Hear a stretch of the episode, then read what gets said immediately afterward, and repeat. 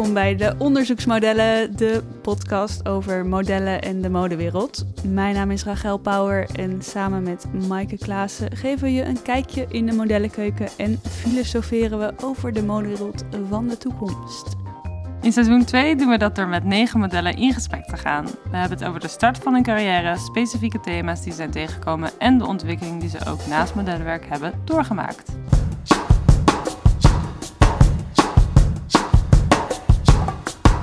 En vandaag hebben we gesproken met Jessica, eh, socioloog, model, filmmaker en founder van Model for Models. Misschien niet onbekend bij jullie. Ja, een vrouw die heel veel uh, ja, successen heeft en een goed voorbeeld over hoe een model haar carrière kan uitbreiden naar andere dingen en ook nog modellenwerk kan doen en dat kan betrekken in haar huidige leven. Wat, vooral, wat voor mij vooral bijzonder is, dat je ook iets terug kan geven aan de aan de industry of aan meisjes die nu, modellen die nu beginnen. Ja, ja inderdaad.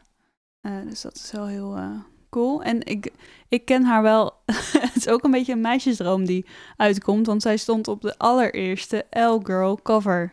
Met Lara Stone. Met Lara Stone. Ik kan me nog gewoon zo goed herinneren dat ik die kocht ook in oh, ja? Heen. Oh, ja? dat weet ik niet meer. Kijk, L-Girl telkens weer. Nu was jij ja, die ermee begonnen. Het thema van deze podcast. Ja vriend van de podcast Elger als je luistert. Mocht je ook willen weten hoe Jessica eruit ziet, dan kun je altijd naar de Instagram. Ja. En daar uh, heb je ook wat visuele begeleiding. We gaan het over heel veel verschillende onderwerpen hebben, want uh, zoals we al zeiden heeft Jessica heel veel verschillende uh, dingen gedaan. Dus laten we niet al te lang hangen, Rach. Nee, laten we luisteren.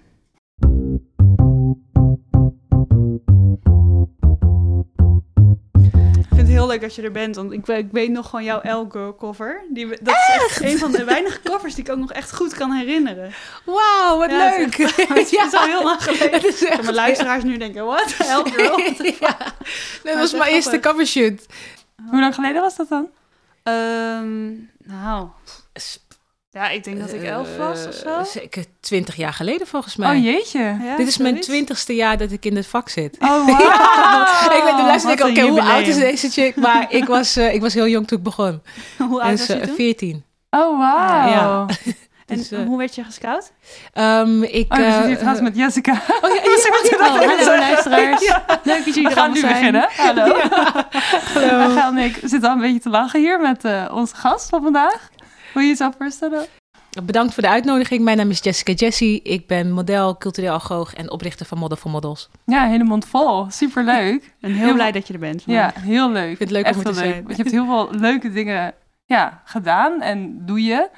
En ja. we waren al een beetje aan het praten over de L-Girl cover. Dus laten we daar even terug heen gaan.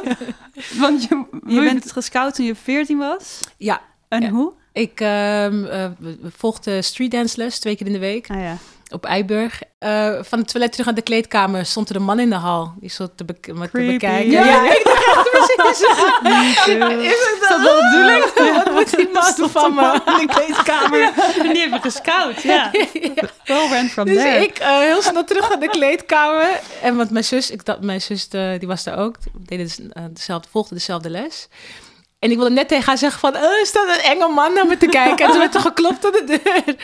En wij de open, hallo. Nou, dat was hij. Zei, excuse me, I'm a model agent. Um, are you a model? Ah. En hij wist nog, en ik dacht toch tegen mijn zus, nee, niet praten, niet doen. En dan zei ze, oh nee, ze is geen model, maar uh, wie ben jij? En uh, oh, ze was ja. heel erg, uh, Voor iemand ze nam het gesprek over. Oh, ja. oké. Okay. Dus zo is het eigenlijk.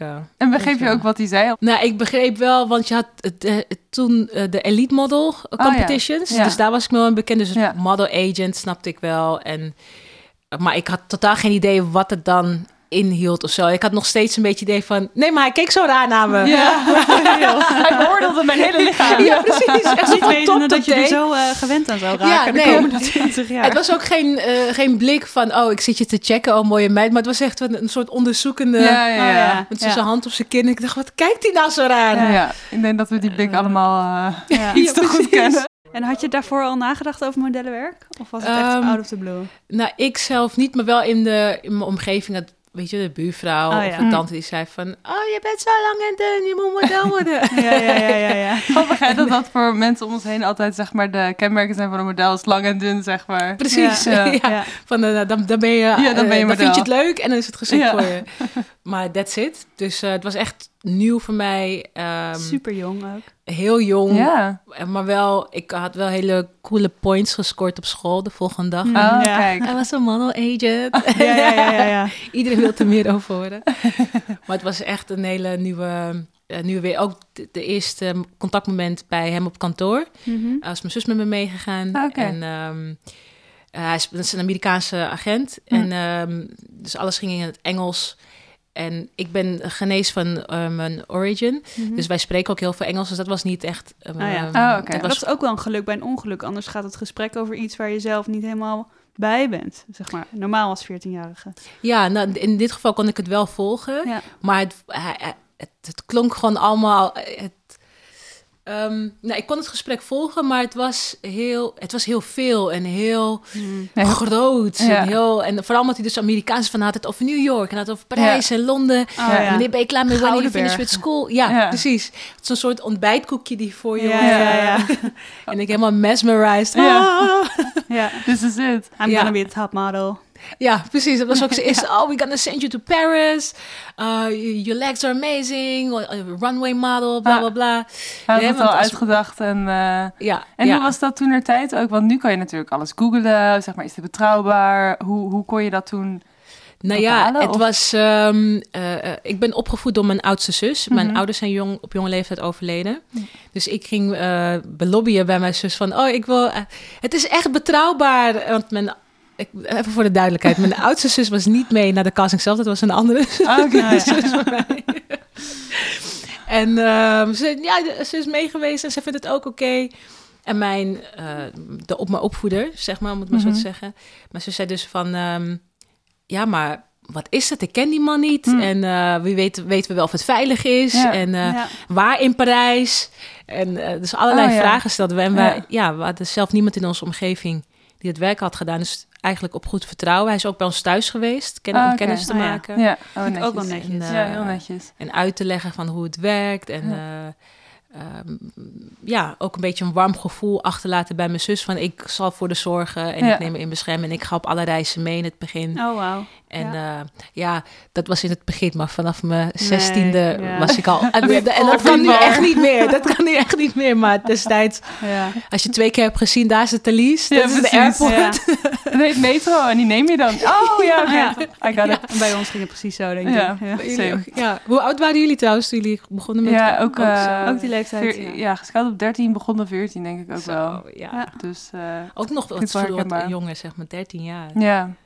Maar, je, maar hoe ging dat dan daarna? Eh, Ging je toen testshoots met hem doen of ging je gelijk naar Parijs? Ik heb een testshoot met hem Mhm. gedaan en ik ging... ehm, of nou ja, met, ik had een testshoot en gelijk eigenlijk mijn eerste covershoot. Dat was dus de L Girl. Oh, wow. ja, De ja. eerste opdracht. ja, precies. Dus het was echt van wow. Ja, dat is een gigantische Oh, dan eh, toch ook ja, je, begint gelijk eigenlijk aan de Ja, top. Ja, zeker. En eh, zonder dat ik het op dat moment echt besefte, was Ja. het voor mij was alles. Een testshoot was al geweldig. ja. Eh, dat, ik in de, dat iemand mijn make-up deed en mijn haar. En, ehm, al die aandacht. En Ja. ik werd ook gepest op school. Ah. Maar in de modewereld was ik opeens, had ik opeens geweldige lange benen en Ja. lange Ja. armen. En op school was ik een lange, dunne meisje. Ja, en nu is die het was juist, ik, word je eh, geapplaudiseerd omdat je zo dun bent. Ja, en precies. al je quirks Ja. Ja, dus het was echt, eh, het voelde heel warm Ja. het begin, maar ook heel overwhelming. Ja. Dat ik, eh, heel veel heb ik ook langs me heen eh, laten gaan. En Ja. pas achteraf snap je dan van, oh, dat was echt, dat was waanzinnig. Dat mijn eerste shoot een covershoot was bijvoorbeeld. Ja, Ja, maar je hoofd kan ook maar zo'n amount of informatie eh, processen. Dus eh, ja, het is ook logisch dat je sommige dingen gewoon maar laat gaan of zo. En dan het gewoon maar doet. Ja, En ook wel mooi aan die leeftijd. Dat is ook wel zo. En daarbij komt ook de, ehm, waar ik heel blij om ben, dat er tegenwoordig veel meer begeleiding ook Mhm. bij komt kijken. Maar destijds werd er al, was het vanzelfsprekend. Dus de agent ging er al vanuit dat je dingen snapte. ja, Ja, ja, zo. Dus, klopt. eh, ja. En denk je dat dat nu anders is? Ik denk en dat het in de kern nog wel, ook nog wel veel termen zijn, heel overweldigend. Dat het ook nog steeds een diepe springen is. nou, wat ik wel zie is dat, ehm, nou, er zijn veel organisaties zoals de mijne, zoals Mhm. wat jullie nu Ja. doen, om informatie te Ja. eh, verlenen aan eh, jonge modellen. Ik werk ook met veel modellenbureaus en de meeste bureaus met wie ik werk, die hebben ook een, ja, een soort handleiding met de meest voorkomende termen. Ja. Ja, ja, Die hadden wij ook ja. Model handbook Ja. en... eh, ja. Ja, en Of- dat is al een begin. Dat is echt Ja. al een grote... Maar echte mentale begeleiding, zeg maar echt van hoe voelt het, hoe ging het? Gewoon, zeg maar echt dat je echt een gesprek voert met iemand na afloop van wat er ook dan gebeurd is. Ik denk dat dat nog wel echt stappen kan maken. Ben ik helemaal met je mee eens. Je ziet wel dus vooruitgang, maar het is echt afhankelijk van je boeker of Ja, van, je, ja. van je agent. Maar ook en- van je succes af. Want soms heb ik het idee dat de boekers zoeken dan... Die bieden dat meer aan iemand die meer succes boekt... dan iemand die geen succes boekt. Terwijl hè, die heeft het misschien net zoveel nodig, juist. Ik ben helemaal mee eens, klopt. Maar dat is een beetje het... eh, de, ehm, vooral bij... Ja, als je... Voor luisteraars die denken, hey, ik wil model worden, dit vind ik wel leuk. Als je bij een bureau eh, ingeschreven komt staan, er zijn natuurlijk heel veel andere modellen. Mhm. En wat je zegt, is degene die het meeste aandacht krijgt, zijn de modellen die het meeste werken. Ja, Ehm, dus wat dat betreft is het wel, eh, is het nog, valt er nog veel te winnen, wat je Mhm. ook al aangeeft. Ehm, en eh, moeten we daarbij niet vergeten dat zolang modellenbureaus, ehm, het businessmodel van een modellenbureau, is, daar valt geen coaching onder. Het is een, Nee. eh, Ja. een, een, een nieuw talent ontdekken en talent vormgeven, eh, minimaal vormgeven, zodat het gelijk kan werken. Ja. ja. En dat klinkt misschien heel oneerbiedig, want we zijn gewoon mensen. Maar dat bedoel, ik bedoel het dus niet negatief. Maar Ja, het doel van een agent is iemand zo snel mogelijk klaarstomen. En niet op de lange termijn. En ook zeker niet van als je twintig bent, wat voor trauma's heb je dan opgelopen? Wat voor scha- Girl. Wat voor meegemaakt? Ja, maar daar hebben we het al zo vaak over gehad. Nou? Nee, maar dat is serieus zo. We hebben allemaal dingen opgelopen, omdat we zo jong ergens in zijn gegooid. En dat is ook goed, waarom we dit, daarom maken we dit ook.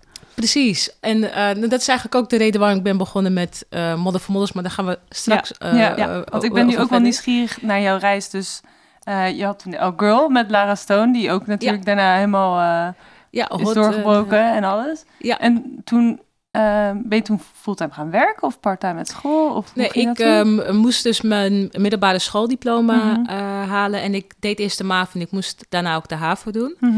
Uh, dus ik heb gewoon naast ehm, de, tijdens dat ik op de middelbare school was, af en toe opdrachten gedaan. Ah. En in de vakanties mocht ik bijvoorbeeld, in de zomervakanties mocht ik dan naar de Couture Fashion Weeks in Parijs. Mhm. En dan, ehm, ja, augustus, eind augustus, september gewoon weer terug. Ja. En ehm, het, was altijd eh, voor mij persoonlijk, als je na de eerste L-Girl shoot alleen al, wilde ik dat gewoon forever doen. Ja. Het was zo geweldig. Al die kleding en alle aandacht en poseren. En gewoon het, het beeld wat je op televisie zag, of ik als jong meisje, dat was ik aan het doen. Ja. Dus vooral na de zomervakanties, als ik dan weer naar school moest, had ik, eh, kreeg, ontwikkelde ik op een gegeven moment een beetje een houding van, "Ah, maar ik ga toch over een paar maanden Ja. weer weg. Of ik ga, en dat Mhm. was toch wel een beetje een, ehm, als ik het heb over dus de gesprekken tussen mij en mijn zus, soms een struggle. Ja. Omdat zij heel erg mij probeerde eh, mee te geven van ja, dit is één aspect, maar je hebt je basis nodig. En ik Ja. ben heel erg blij dat ik eerst mijn school af moest maken en Ja. dat ik na mijn middelbare school had ik de keuze gemaakt. Is goed, ik ga een jaar, eh, want ik wilde advocaat worden en ik zou Oké. rechten gaan studeren. En het was Mhm. helemaal uitgestippeld. En Mhm. dan, daar stond, daar vond ik ook, had ik ook een leuk beeld bij, bij die studie. Maar het modellenwerk was er natuurlijk tussen gekomen. En in gesprekken met mijn agent hebben we afgesproken van... oké, wat, ga, wat, wat nou als je het een jaar gaat proberen, een jaar fulltime? En daarna was het, was het plan om te gaan studeren. Maar goed, Het één klinkt jaar... alsof het iets langer, iets anders is gaan lopen. Twintig jaar later, hier. Nog steeds je studierechten nog Ja. niet gedaan. Nee, echt, echt tien jaar later of zo ben ik... eh, Maar je bent iets heel anders gaan studeren ook. Dus misschien heb je ook Ja. wel die tijd gewoon nodig gehad om meer jezelf te vinden, ouder te worden. En heb je gewoon echt zo'n betere studiekeuze Ja. gemaakt. absoluut, absoluut. En die, dus je bent tien jaar fulltime geweest voordat je weer ging studeren? Wauw. Ja, het was gewoon een soort verslaving geworden, modellenwerk. Mm, ja. Dus ik kon het heel, heel moeilijk om dat los te laten. Dus ja. En wat, vond je, wat was voor jou verslavend? Ehm, nou ja, ik had alle fashion weeks in mijn agenda alsof het examenweken waren. Ja.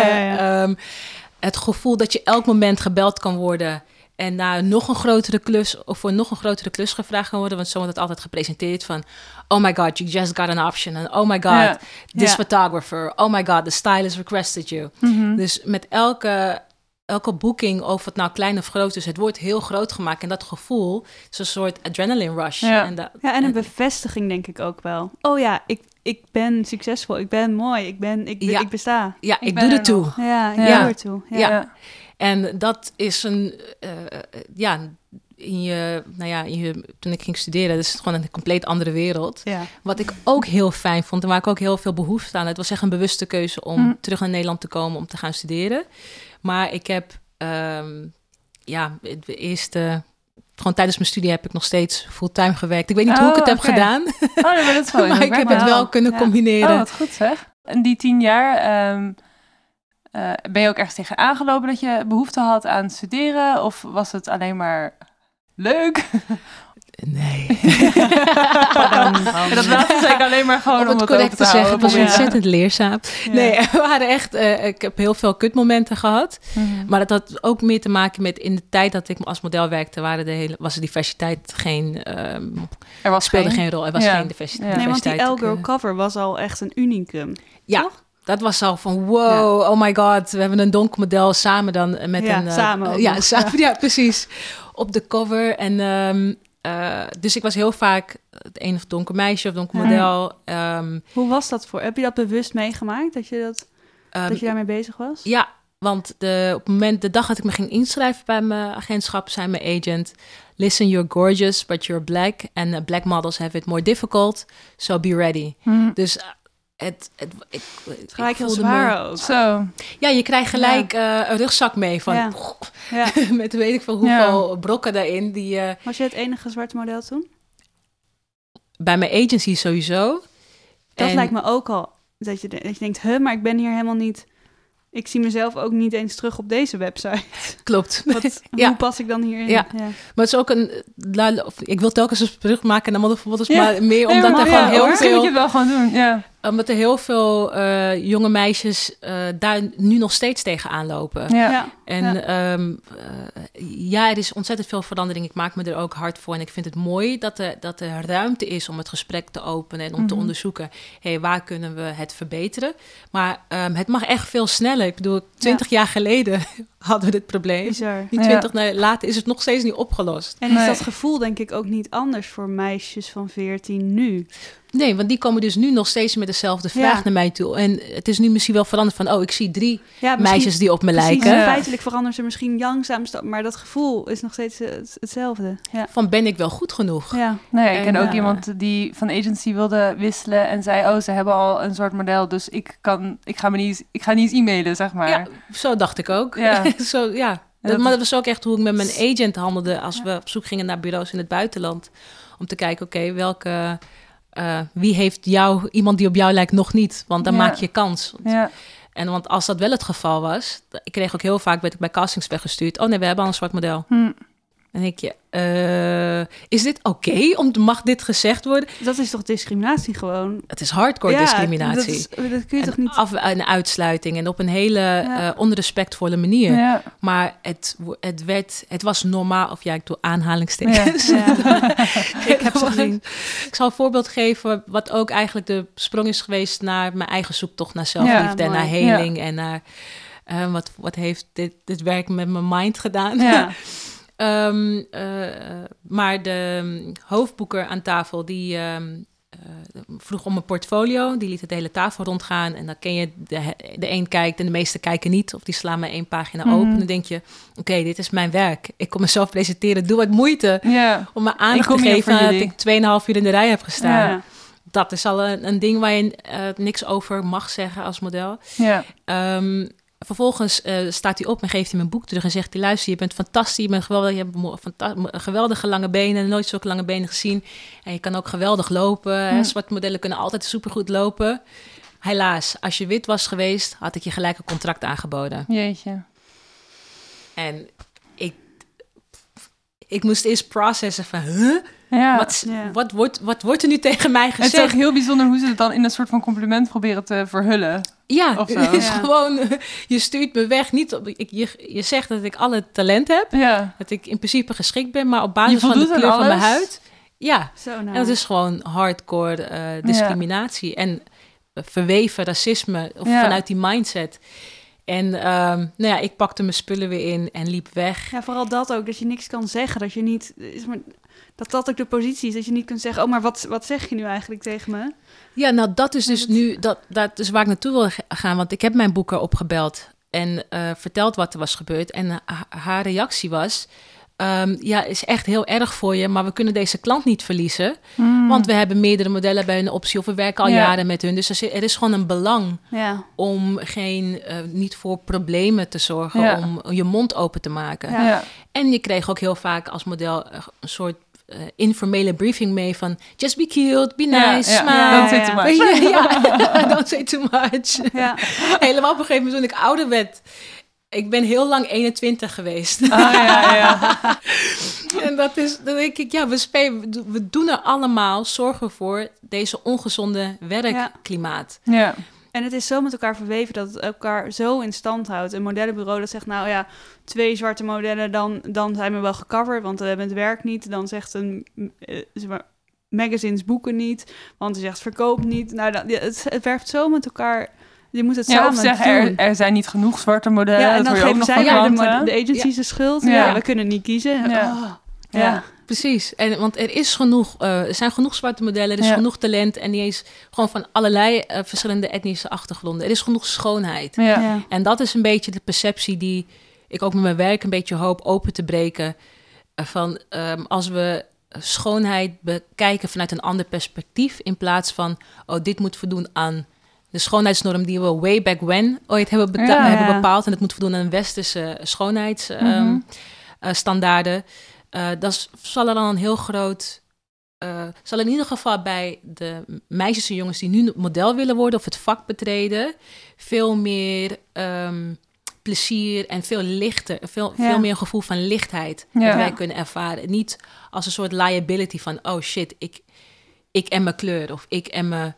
Ja, en Eh, ook de invloed op de samenleving als geheel wordt, wordt heb je, daar heb je natuurlijk ook een heel grote invloed op als het diverser wordt. Dat Juist. iedereen zich lichter voelt. Ja. Juist, die representatie is geaccepteerder. ons, Ja. Juist. Het- Zie je nu ook verschil tussen, nou ja, mei 2020 en we zitten nu in begin 2021? Dus je hebt Mhm. natuurlijk de september issues die al, nou, iets meer zwarte modellen op de cover, maar is er nu echt iets veranderd sinds alle protesten en het, het gewoon de hele de aandacht hier is? Er is eh, veel veranderd. Ehm, als je. eh, dan neem ik, ga ik even terug naar 2017, toen ik zelf ehm, besloten had om met mijn eigen verhaal eh, naar buiten te treden. Ja. En, Even voor de Ja, luisteraars. dat vond ik dus ook heel interessant. Ja, hoe je daar... Hoe begon dat? Dat je met je eigen verhaal naar buiten... Ik wil zeggen kon treden, maar durfde te treden. En eh, ja, het lijkt me ja, een Ja. grote stap. Hoe, Ja, hoe, nee, hoe ze- gebeurde dat? Nou, daar is een, eh, best een, een heel proces aan voorafgaan, ook vooral een innerlijk proces. Dus na die ene afwijzing die ik net omschreef, ja. realiseerde ik me dat ik ben gaan geloven wat de ander over mij zegt. Ja. Waardoor het mij dus zo raakt. Ja. Want iemand, eh, ook als op je straat kan iemand iets tegen je roepen, maar je hoeft er niet zo gekwetst door te raken. En eh, ik raakte daar wel zo door gekwetst, omdat ik dat dus ook over mezelf ging geloven. ja. Dus en dat was echt een hele- van wat je van anderen terugkrijgt. Juist. En dat was een hele pijnlijke realisatie voor mezelf. Ehm, om, eh, omdat ik nooit. Ik liep rond met een diepe onzekerheid, maar Mhm. ik wist niet dat ik daarmee rondliep. En ik wist dus ook niet hoe ik mijn behoefte naar zekerheid of naar een veilig gevoel moest omschrijven. Ja. En ehm, toen ik dat dus ontdekte, ben ik op zoek gegaan naar antwoorden, naar heling, naar ik wil van mezelf houden, naar wat is zelfliefde eigenlijk. Ja. Ehm, ik ben in therapie geweest. Mhm. Ja, Ehm, ik werk, omdat ik werk in mijn coaching ook heel veel met gewoon deze vraag. Eigenlijk ligt hier in zoveel dingen waar mensen tegenaan lopen, is gewoon eigenlijk dit, wie ben ik en hoe kan ik van mezelf houden? Precies. Hele eh, wezenlijke vragen. Ja. ehm, waar je soms even wat meer tijd voor nodig hebt om dat te ontrafelen. Ja, Omdat het niet zo vanzelfsprekend is bij iedereen. Nee. En zeker niet eh, in mijn geval. Ik bedoel, ik vloog de, vloog de hele wereld over. Werkte voor de grootste modehuizen. ehm, maar toch worstelde ik met mijn zelfbeeld. Ja, hoe groot contrast is dat, hè? Terwijl Ja. het zo vaak voorkomt bij modellen. En dan, ja dus juist als, het als je bizar. zo beoordeeld wordt vanaf zo'n jonge leeftijd op uiterlijk, dat dat dan dus zo in je gaat zitten. En de misconceptie, want je verkoopt... ehm, eh, je verkoopt het ideaalbeeld ja. waar jonge meisjes naar opkijken. Ja, Terwijl van binnen ben je niet zo stabiel en helemaal niet zo happy als dat het misschien lijkt. En eh, met, met die, ja, wat zal ik zeggen, tegenstrijdigheid, daar kon Mhm. ik daar wilde ik niet meer op dezelfde manier mee verder. Nee. Ja. En, Mooi hoor. ehm, wel. ja, heel knap dat je daar Ja. bent gekomen. Ja, het is eigenlijk door, door, ja, dus door mijn persoonlijke zoektocht. Ja. En ehm, eh, ook door mezelf ehm, alles weer mooi te gaan vinden. Ik, heb, eh, ik mocht een TED-talk geven in 2018. Ja, gekeken. Fantastisch. Eh, Ook heel Ja. indrukwekkend. Ja. eh, Dankjewel. mooi, En, echt heel mooi. ik was zo eh, eh, blij dat ik een podium kreeg om ehm, mijn verhaal te delen. Waaronder dus ook over dat ik op het punt stond om mijn neuscorrectie Ja. neuscorrectie te ondergaan. Want Ja. er werd gezegd, je hebt een black, black nose. Het moet meer op een Caucasian nose lijken. En ehm, eh, wat ik merk is dat mijn persoonlijke verhaal andere meiden en jonge vrouwen bekrachtigt. Ja. En ehm, dat ik dat dus op die manier in kan zetten, dat geeft mij heel veel. Eh, het is heel dankbaar werk, maar het hield mij ook nog steeds een Ja, beetje. het gaat ook over jou. Het gaat ook over kwetsbaar zijn en uitspreken. En, en het is niet alleen maar het verhaal, maar het is ook gewoon hoe je het, hoe je het brengt en de manier. Ja, Ja, want Ja, hoe je toen je opzocht, er zijn zoveel mooie kwetsbare interviews. En ik kan me voorstellen, dat, ja, ja dat, dat doet iets met jezelf. En kwetsbaar zijn is ook gewoon, ja, een, Een zo'n kracht. kracht. Ja. Ja, ja, zo zie ik het nu ook. Ja. en Ja. eh, dat, en om, het is eigenlijk dus ook weer het veranderen van hoe kijk je naar iets. Van is iets, ben je zielig slachtoffer of, ehm, of ben je juist empowering? En ehm, zet je het in om eh, in ieder geval jezelf weer een fijn gevoel te geven van binnen. Hm. Uh, maar daar moest ik naartoe werken. Ja. is niet Ja. op de een of andere dag gegaan. En ik ben pas naar buiten gekomen met mijn vrouw toen ik zelf een aantal dingen had opgelost. En ehm, intern had Ja. opgelost. En toen voelde ik me zeker en sterk genoeg. En dan kreeg ik een soort van eh, een soort eh, revival van... oh mijn god, hoe kan ik hier jarenlang mee rondgelopen hebben? Ja. Ik ga hier wat aan doen. Ja. Dit moet iedereen weten. En toen heb ik het publieke debat opgezocht. En, Ah, oké. ehm, want je had genoeg experience ook. Je had zoveel dingen meegemaakt in die jaren. Aan, aan Ja. gewoon kleine dingen, maar grote dingen. Opmerkingen, gebeurtenissen. Dat, je hebt ook veel voorbeelden, zeg maar. Precies, maar ik had nog niet de moed Nee. om daar... Ja. Hè, ik liep er van binnen mee rond. Iedereen in de industrie die, die, die wist het. Maar die, eh, niemand die... Ja, als je erover sprak, ben je... Oh, doe niet zo moeilijk. Mm, of ja. eh, ik heb zo vaak gehoord van... Oh, begin je weer? Dan denk ik, ja, maar ik, ik leef dit. Ja. Het is niet voor mij een... Begin ik weer... Oh, dat was... Hè, met de Vogue Italia, die had ooit eh, een all-black issue gedaan. Mhm. Daar werd heel vaak naar gerefereerd. Als ik erover begon, dacht ik... Ja, maar het is geen hype. Dit is Oh ja, letterlijk we hebben één keer een issue gedaan.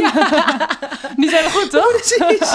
Ja, maar, en als je het gewoon naar normale, zeg maar een kantoorbaan zou trekken, zou je ook niet zeggen, nou, we hebben er één keer wat eh, een lezing over gegeven intern en nu is het eh, allemaal oké. Zo- Ja, zo werkt het niet. Nee. Precies, maar dat, het is wel mooi om te zien dat de veranderingen in de modewereld en eh, de grootte van het publieke debat ook ervoor zorgt dat er licht wordt geworpen op andere industrieën. Ja. Ja. In andere werkvelden waar natuurlijk, het is gewoon een, een wereldwijd Ja. probleem, het is een Ja. systematisch probleem, het is een geïnternaliseerde probleem. En dus de impact die mode heeft op het wereldbeeld is Ja. ontzettend groot. En Ja, het is een voorbeeldfunctie voor de rest van de maatschappij Ja, eigenlijk. het Precies. loopt altijd voorop ook. Het is Ja. vaak vernieuwend. Ja. Precies, dus als mode zo vernieuwend is, hoezo niet omtrent Ja. het omarmen van Maar alle, ik- alle Ja, ik Ah. keek voorafgaand aan het interview naar dat Pauw-interview. Dat is uit 2017.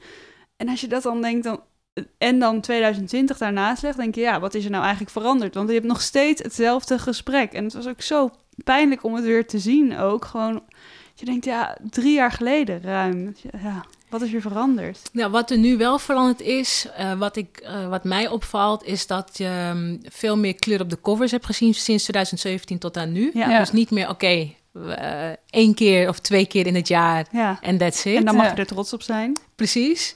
Je ziet bij veel glossies zie je ook bijvoorbeeld ehm, advertisers, maar dan met eh, verschillende tinten make-up shades Ja. of haarproducten. Ja, ook Ja. ondergoed en eh, Ja. pleisters. en- Ja, ja. ja. dus en eh, poppen. Ehm, dus in de brede linies zie je wel veel meer kleur op de voorgrond. ja.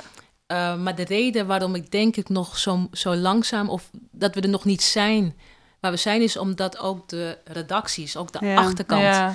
daar moet veel meer kleur komen. Ja. Als je kijkt bijvoorbeeld naar de eh, Britse Vogue, Ja. waar Edward Ninful editor-in-chief is geworden. Nou, dat is gewoon een mooi voorbeeld ehm, van ehm, een leidinggevende met een etnische diverse achtergrond. Dat hij snapte van hey, om mm, niet alleen de, de plaatjes divers te laten lijken, maar ook echt de verhalen.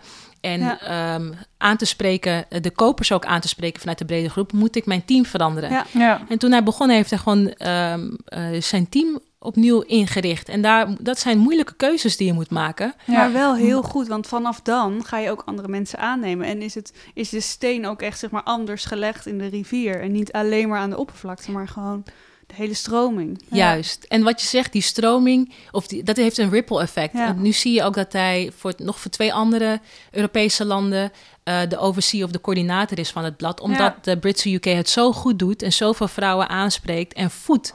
Dus niet alleen maar Ja. meer op hè, beauty en cosmetics, maar echt eh, de vrouw van vandaag voedt Ja. met, eh, om, als het gaat om mental wellness, als het ook gaat om de klimaatveranderingen, gewoon meer context biedt ook als, als smaakmaker. Ja, je zou denken dat je er ook meer verkoopt. Weet je, het is zo raar dat dat... Want dat is natuurlijk ook de kern, dat mensen denken dat bepaalde dingen niet verkopen of weet ik veel wat. Terwijl juist, dan zie je, het verkoopt juist meer. Ja. Ook in New York, daar heb ik dan tegen gewoond. Daar was, leek het wel alsof het al iets meer diverser aan het worden was de laatste Mhm. drie jaar.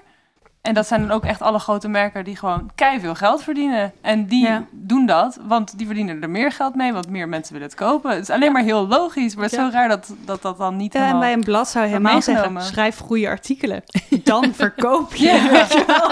Zo moeilijk is het niet. Nee. Nee, maar dat heeft ook weer mee te maken hè, op wie doelt, wat is de doelgroep van Ja. een blad? Ja, en, En als die artikelen doelgroep- worden ook geschreven weer voor, ja, voor Precies. een bepaalde doelgroep. En als de eh, ehm, vrouw met een migratieachtergrond niet de doelgroep is van een blad, wordt er dus ook niet voor hun geschreven. Nee. En eh, dat, is, dat is een eh, niveau van het gesprek wat nu gaande is, Hmm. waar, waar ik hoop dat, eh, dat die verandering zich door voort blijft zetten, Hmm. zeg maar. Mhm. Maar ook wat jij aanhaalt, vind ik ook fantastisch. Dat kwam onder andere door Bethan Harrison. Die heeft in eh, New York de Diversity Council Oh ingericht. ja, ja. Met ehm het, eh, Imaan, de original Imaan, zeg maar. Mhm. Je hebt Imaan, maar ook fantastisch. Ja, ja. Maar met Imaan, Lia Kabede, Mhm. Naomi Campbell. Mhm. En ehm, nou, het is gewoon een inspiratie ook voor mij geweest tijdens mijn... Ik heb namelijk mijn eindscriptie. Heb ik hier over... eh, Oh, wauw. eh, ging over diversity in fashion. Oh, eh, in mode en bladen. Oké. En daar heb ik tijdens dat proces heb ik leer, geleerd om meer afstand te nemen van mij en mijn gevoel en mijn er- ervaringen.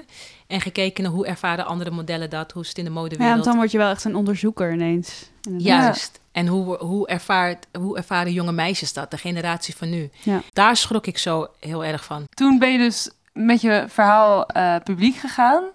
En eh, ja, dat zorgde dan ook, neem ik aan, voor een bepaald ripple effect. Of toen heb je weer meerdere interviews gedaan. Toen kwam de TED Talk. Of hoe, hoe ging dat? Ehm, nou, toen eh, dat, eh, de beslu- het besluit om met mijn verhaal naar buiten te gaan, liep eigenlijk parallel met mijn ehm afstudeerscriptie. Oké. En eh, daarvoor ben ik met heel veel key players in de mode in gesprek gegaan. Oké. Van in Parijs en in, in Nederland. Gewoon vanuit mijn, binnen mijn eigen netwerk. Ja. Dacht ik, hey, zien jullie dit ook? En hoe ervaren jullie dit? En ehm, gewoon één op één. En dat waren hele mooie gesprekken, soms ook hele heftige gesprekken. Omdat het thema was, ehm, ja, in 2015 eh, begon ik daar zeg maar mee. Of met, eh, met dat onderzoek. En ehm, toen, nie- iedereen was ook, eh, er heerste een angstcultuur. Oh, ja. Van, ja, ik weet dat het gebeurt, maar ik wil mijn vingers er niet aan branden. Of Ja. Ik wil er eigenlijk niets over zeggen, want ik wil niet, Ja. ik wil mijn baan niet verliezen. Of Ja. ik wil niet als moeilijk bestempeld worden. Dus ik merkte dat het, waarom het zo moeilijk was om daar iets aan te veranderen. Omdat je er nog niet over kan praten met z'n allen. Ja. Omdat Ja. iedereen zich aangevallen voelt. En iedereen, Ja. we hebben er allemaal aan bijgedragen. Maar het doel van het gesprek was niet om vingers te gaan wijzen. Hm. Maar meer om te kijken, oké, we hebben er allemaal aan bijgedragen. Hoe kunnen we hier dan verandering in brengen? Ja. Ja. Eh, toen heb ik een panel opgezet met ongeveer 30 meisjes en jonge vrouwen. Oh, wauw. Om, eh, die geen, niet per se model eh, waren. Om hun te vragen, hoe ervaar je het schoonheidsideaal of beeld en wat doet het met je? Ik ontdekte dat het een wereldwijd probleem is dat vrouwen zichzelf niet beschouwen als mooi. En dat maar 10% van de vrouwen zich wel beschouwen als, als mooi. Hm. En ehm, dat in Nederland dat probleem zich ook voordeed, alleen zich uiten op een andere manier. Ehm, eh, bij de jongeren, eh, bij meisjes vanaf tussen 9 en 12, merk je dat, bij, dat de onzekerheid rondom hun uiterlijk ervoor zorgt dat ze niet meer af willen spreken met vriendjes of vriendinnetjes. Hm.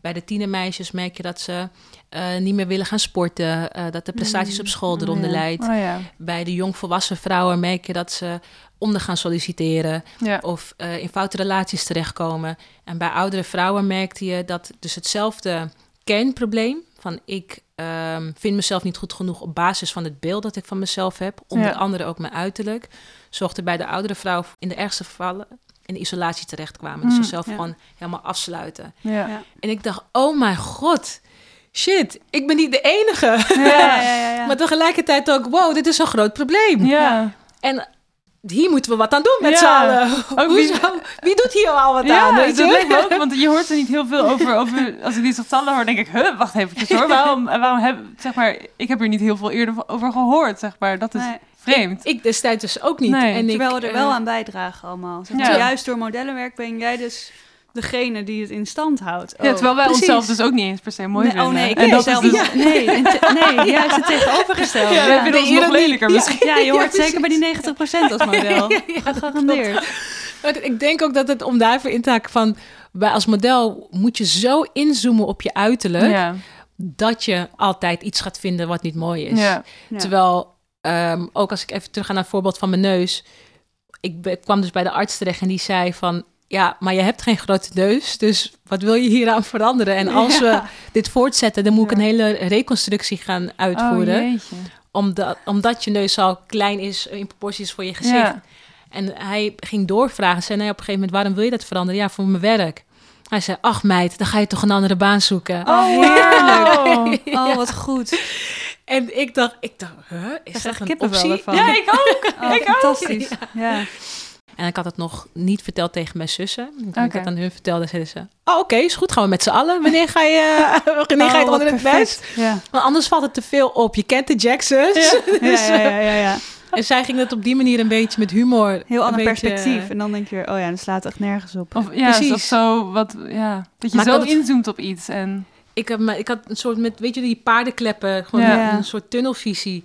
En ik ben dankbaar dat ik dus een vangnet had van mijn zussen. Maar ook zo'n chirurg die gewoon bij, bij de hand genoeg is om tegen mij te zeggen... om mij ja. perspectief te openen van... er is meer dan alleen modellenwerk... Ja. en Ja. waarvoor je jezelf niet hoeft te veranderen. Zeker als het niet nodig is. En Ja. het is zo herkenbaar, want elk model heeft wel iets wat dan niet goed wordt, of waar altijd aan gewerkt moet worden. Het Ja, altijd als ik ergens binnenloop, weet ik al twee dingen waar zeg maar, ik op zou kunnen afvallen Ja. tussen aanhalingstekens. Ja, Dus dat is wat dan... waren die... Of als je dat wilt delen. Nee, nee, bij mij is het dan maten en huid, zeg maar. Dus Ja. altijd als ik dan ergens binnenkom, dat zijn dan de dingen dat ik denk, oh, misschien word ik naar huis gestuurd. Het echt, in twaalf jaar is het misschien twee keer toen ik jonger was gebeurd. Omdat ik Mhm. toen inderdaad meer pukkeltjes had of meer, weet ik veel, weet je wel, nog Ja. lichaam niet ontwikkeld op een bepaalde manier. Twee keer gebeurd, nog steeds, iedere job waar ik heen ga, denk ik, Ja. oh mijn god, ik ga naar huis gestuurd worden. Het zit er gewoon... Het zit eh, zo diep. En dan Ja. voed je het weer en dan maak je het weer groter. En dat zelfs, zeg maar, na twaalf jaar, dan blijft het dus iets wat, wat gewoon doorgaat en doorgaat. Ja. gek? Ja, Ja. wordt telkens gevoed. Ja. ja. En omdat het ook eh, misschien... Als ik spreek naar een soortgelijke ervaring dan... Mhm. eh, ehm, de dingen die doorbleven etteren in mijn hoofd, had ik geen plek gegeven. Ik had het niet netjes opgeruimd. Dus het werd eigenlijk eh, langzamerhand een trauma. ja. Eh, zonder dat ik wist dat het een trauma was. En bij trauma denk je gelijk, oh, dat moet iets... eh, je moet onder de bus terecht zijn gekomen of een Nee. oorlogskind Nee. zijn. Maar eh, eh, ehm, dat is helemaal niet zo. Nee. Nee. Maar totdat ik al die eh, innerlijke oordelen over mezelf begon op te ruimen... Ja. Eh, kon ik wat lichter weer het werk doen. Er zijn ook Ja. een periode geweest dat ik dacht... ach, ik ben helemaal klaar met, deze, met het werk en met Ja. deze industrie. Eh, maar ik had niks opgeruimd. Dus dat ook voor mensen die luisteren... die denken, hé, hey, ik worstel hiermee. Ruim je innerlijke oordelen Ja, ga aan op. de slag met een coach en een therapeut. Ja, Ja. ja. nee, Je hoeft het ook allemaal echt niet zelf te doen. Zeker niet. Hm. Ik heb daar ook hulp bij gehad. Ook professioneel hulp bij Ja, gehad. Ik ook. Ehm, ja, dus... En het, dat is ook gewoon nodig. Ja. Ehm, En hoe was dat dan als je, toen je meer met je verhaal naar buiten kwam, deed je toen ook nog modellenwerk? Zeg maar, was je bang voor je status als model? Omdat je dan tussen aanhalingstekens hè, ging klagen. Dat zeg ik echt Ja. met dikke aanhalingstekens. Ja, nou, dat, dat heb ik heel erg gevoeld voordat ik echt naar buiten trad. Mhm. En daarvoor was, dacht ik, shit, oké, als ik dit ga doen, wat kan het allemaal betekenen? Ja, Uh, maar tegelijkertijd was ik ook, zat ik ook in mijn afstudeerjaar van mijn Ja. studie. Had ik al bedacht dat ik model voor models wilde doen. En dat gaf me, ook al is het extern, gaf me dat houvast. Van Ja. ik ben meer dan alleen mijn werk. Ja, Mhm. fijn. Ehm, en ik had dus die panel gedaan met die 30 eh, meisjes en jonge vrouwen. En al hun input naast mijn eigen ervaring en mijn desk research bevestigde de ernst van het probleem. ja, En ook dat gaf me body. En ik dacht, hé, hey, ik wil dit doen voor mezelf, maar ook voor alle andere meisjes die eh, model willen worden of worstelen met hun zelfbeeld. ja. Ja. Daarvoor doe ik het. En dat gaf me wel meer, eh, ja, meer power en moed om Ja. het te doen. En ook omdat ik een. Ik had, ik was, ik had mijn zelfverzekerdheid zo ontwikkeld. eh, of zo'n stevige basis gegeven. dat ik. eh, ik, dacht, ik dacht niet aan. aan alles wat er mis kon gaan. Ja. En dat is ook maar goed ook, Ja. want anders eh, begin je soms niet. Maar ik dacht alleen aan. Maar ook wel mooi dat je zo'n kracht in jezelf hebt. Van, ook ik moet dit nu, ik moet dit nu delen. Ik moet hier nu iets Dit is aan doen. belangrijker dan... En dan ineens speelt het hoofd niet met alles wat mis kan gaan. Maar gewoon, ik voel dat ik dit moet delen. Zo. Juist. En dan komt ja. het echt uit jou ook. Ja, en dan kan je dat stemmetje veel makkelijker Ja. aan de kant zetten. Als Ja. die komt van, oh shit, maar en je werk en dit dan. denk ik, ja, dat is me allemaal minder waard. Dan, ja, want er is eh, blijkbaar iets wat, waar ook anderen wat aan hebben. Dus dit is het goede moment. Ik geloof Ja. ook wel dat, dat, soort van, dat je dat aanvoelt. Of Ja. zo. Ja, En kun je ons dan nu eindelijk meenemen naar Model for Models? Ja. Vertel ons alles over. Ja. dit. we, we hebben het al vaak willen aanhalen. Model for Models. Is- Je bent dus founder van Model for Models. Hoe is dat dan zeg maar ontwikkeld? Dus je was met je afstudeerproject bezig. Toen wist je, ik wil Model for Models doen. daar is Model, Model for Models is in die periode ontstaan. Mhm. Ehm, en het heet Model for Models omdat het... Ik heb eigenlijk een beetje gespeeld met de woorden als model van mijn beroep. Maar ook met de voorbeeldfunctie. Ja. Omdat eh, we geloven dat iedereen een voorbeeld is of kan zijn voor een ander. Dus Ja. jij bent een model voor models. En zo weer zet je het voort weer voor iemand in, in je eigen omgeving. Ja. En ehm, ik wilde, het, het is begonnen bij, ik wil modellen leren, alle tools meegeven die ik zelf niet meer heb gehad. Mhm. Alle begeleiding geven.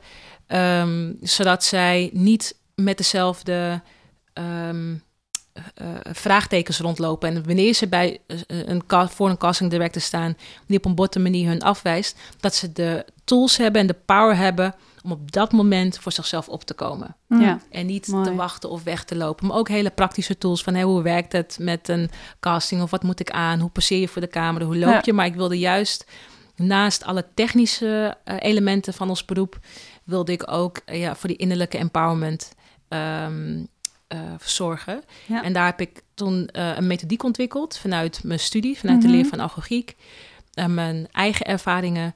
En eh, dat is de Model for Models methode geworden, waar we ehm, ja, andere meisjes en jonge vrouwen dus mee helpen, of je nou model bent of niet. Dus Ja. als je, we zetten modellentechnieken in als hulpmiddel om, eh, om te empoweren.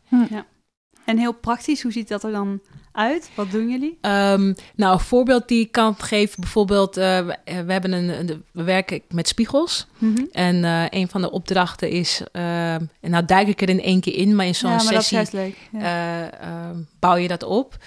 Ehm, noem drie positieve dingen over jezelf. Mhm.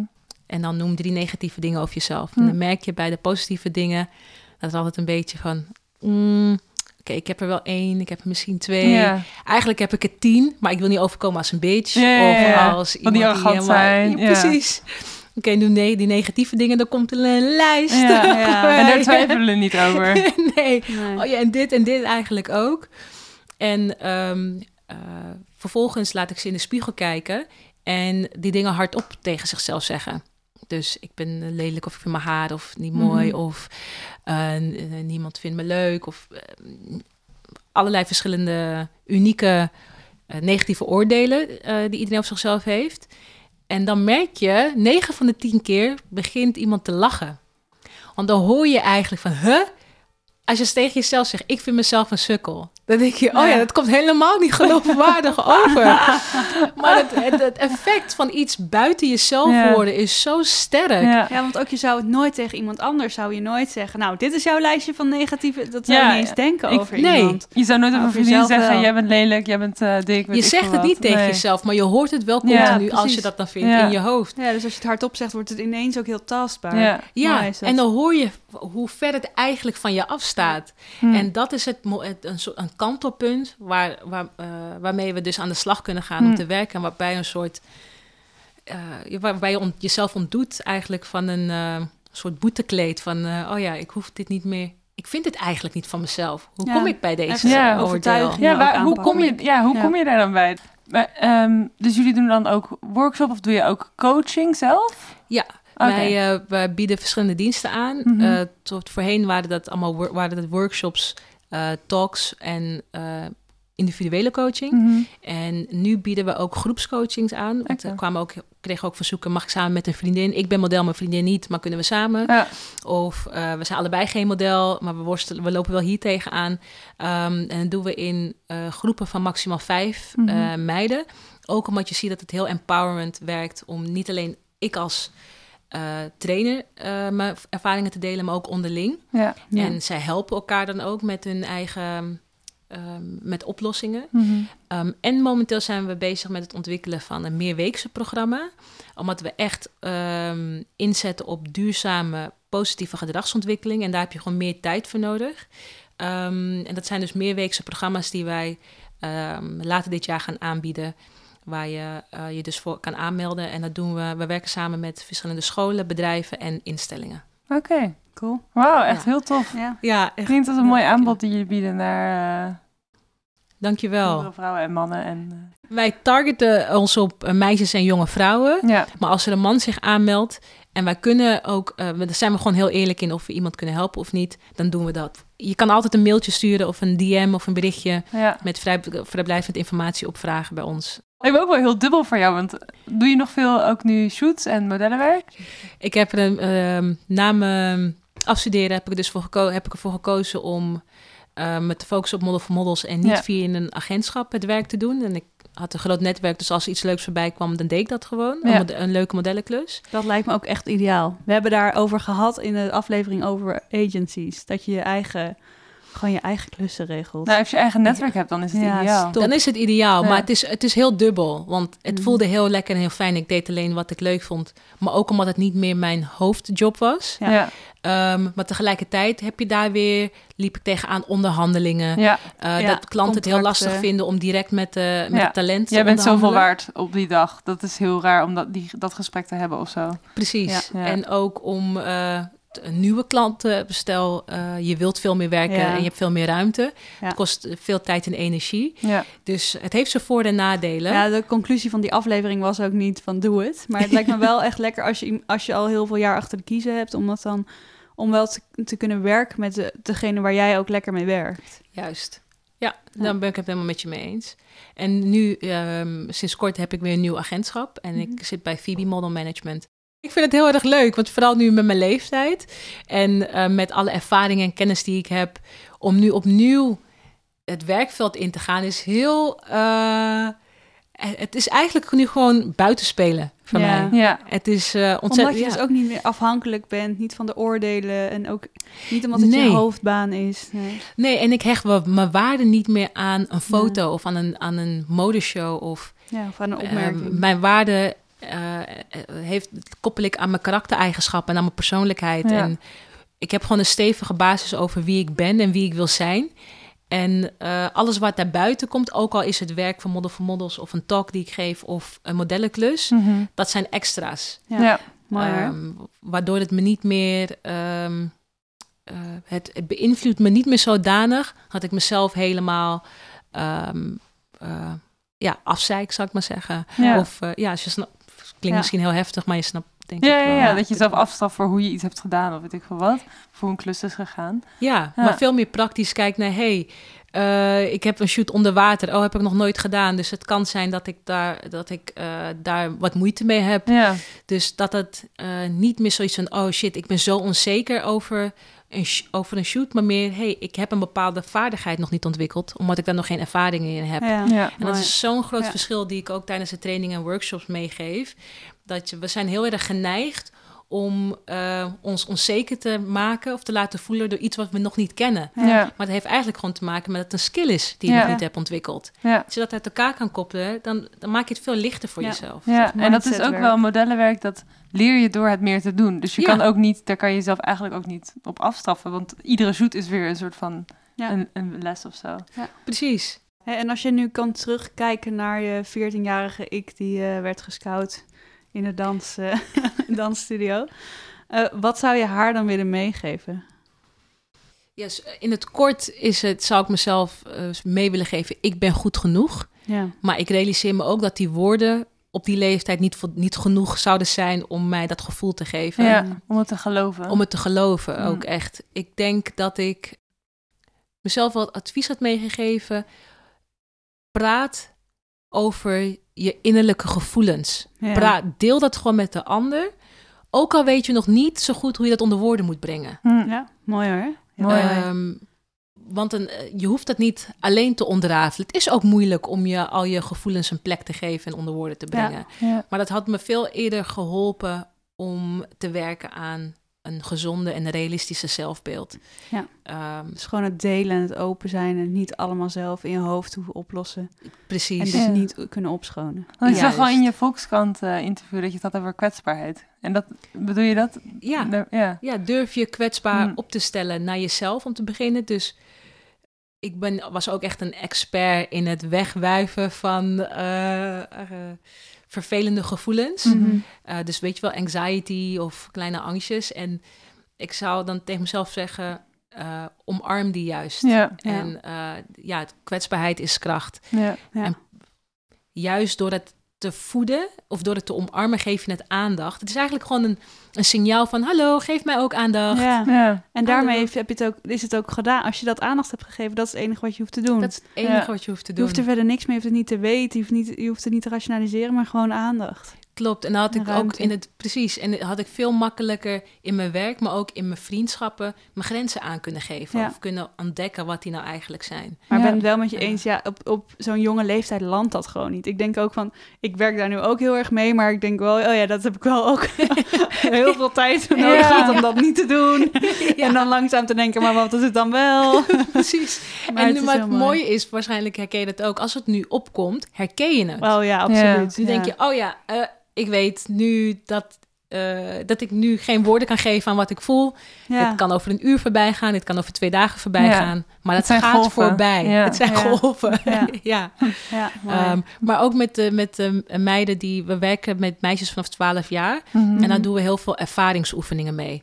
Dus in het, woorden zijn eh, dan niet genoeg, maar echt ehm, oefeningen dat ze zelf een beleving kunnen ervaren. En Oh ja. dan resoneert het wel. Ja, Ehm, want ook ik ben goed genoeg bijvoorbeeld is ook niet iets wat in woorden hoeft te resoneren, maar wel in gevoel inderdaad. Juist.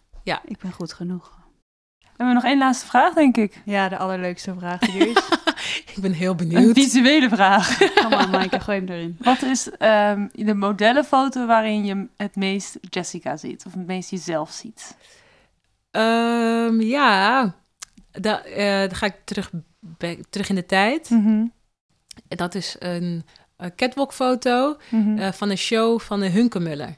Oké. En, Dat eh, zou ik niet op eerste instantie. Nee, ik was ook een beetje niet. verbaasd waar je heen ging.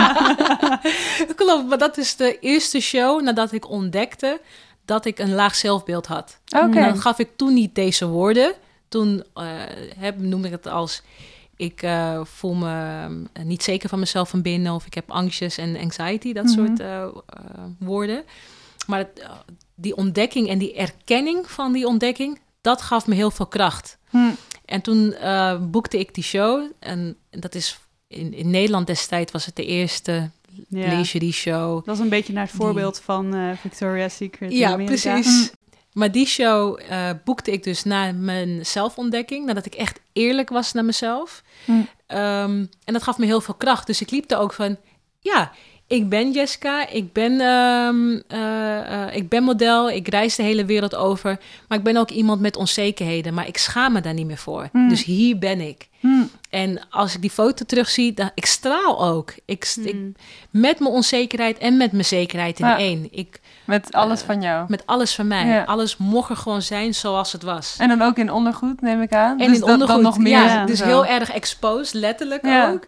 Maar ook als ik die foto zie, is het echt een oprechte joy of oprechte trotsheid die ik voel van ja, en ik ga hier wat aan doen. Dus ik had nog niet alle oplossingen, maar alleen de erkenning dat ik daarmee zat. Ja, dat vind ik echt een mooi Prachtig. antwoord. Dat is Ja. mijn favoriete antwoord, denk ik. Mij ook. Ja. Nou, Sorry, andere gasten. Ja, sorry. En deze zit ook lekker op Instagram, denk ik, als we die op de Ja, timeline zetten. Clickbait. Underwear. Ja, klopt. Hashtag. Sexy fashion show. Ja. Ja. Jessica kijkt Hanker terug op haar sexy fashion Ja. show. Ja, precies.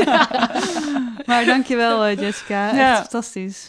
Jullie ook nogmaals bedankt. En ik ben ook heel erg nieuwsgierig naar wat jullie allemaal zo doen. Dus Als jij een eh, podcast hebt, dan eh, komen we graag langs.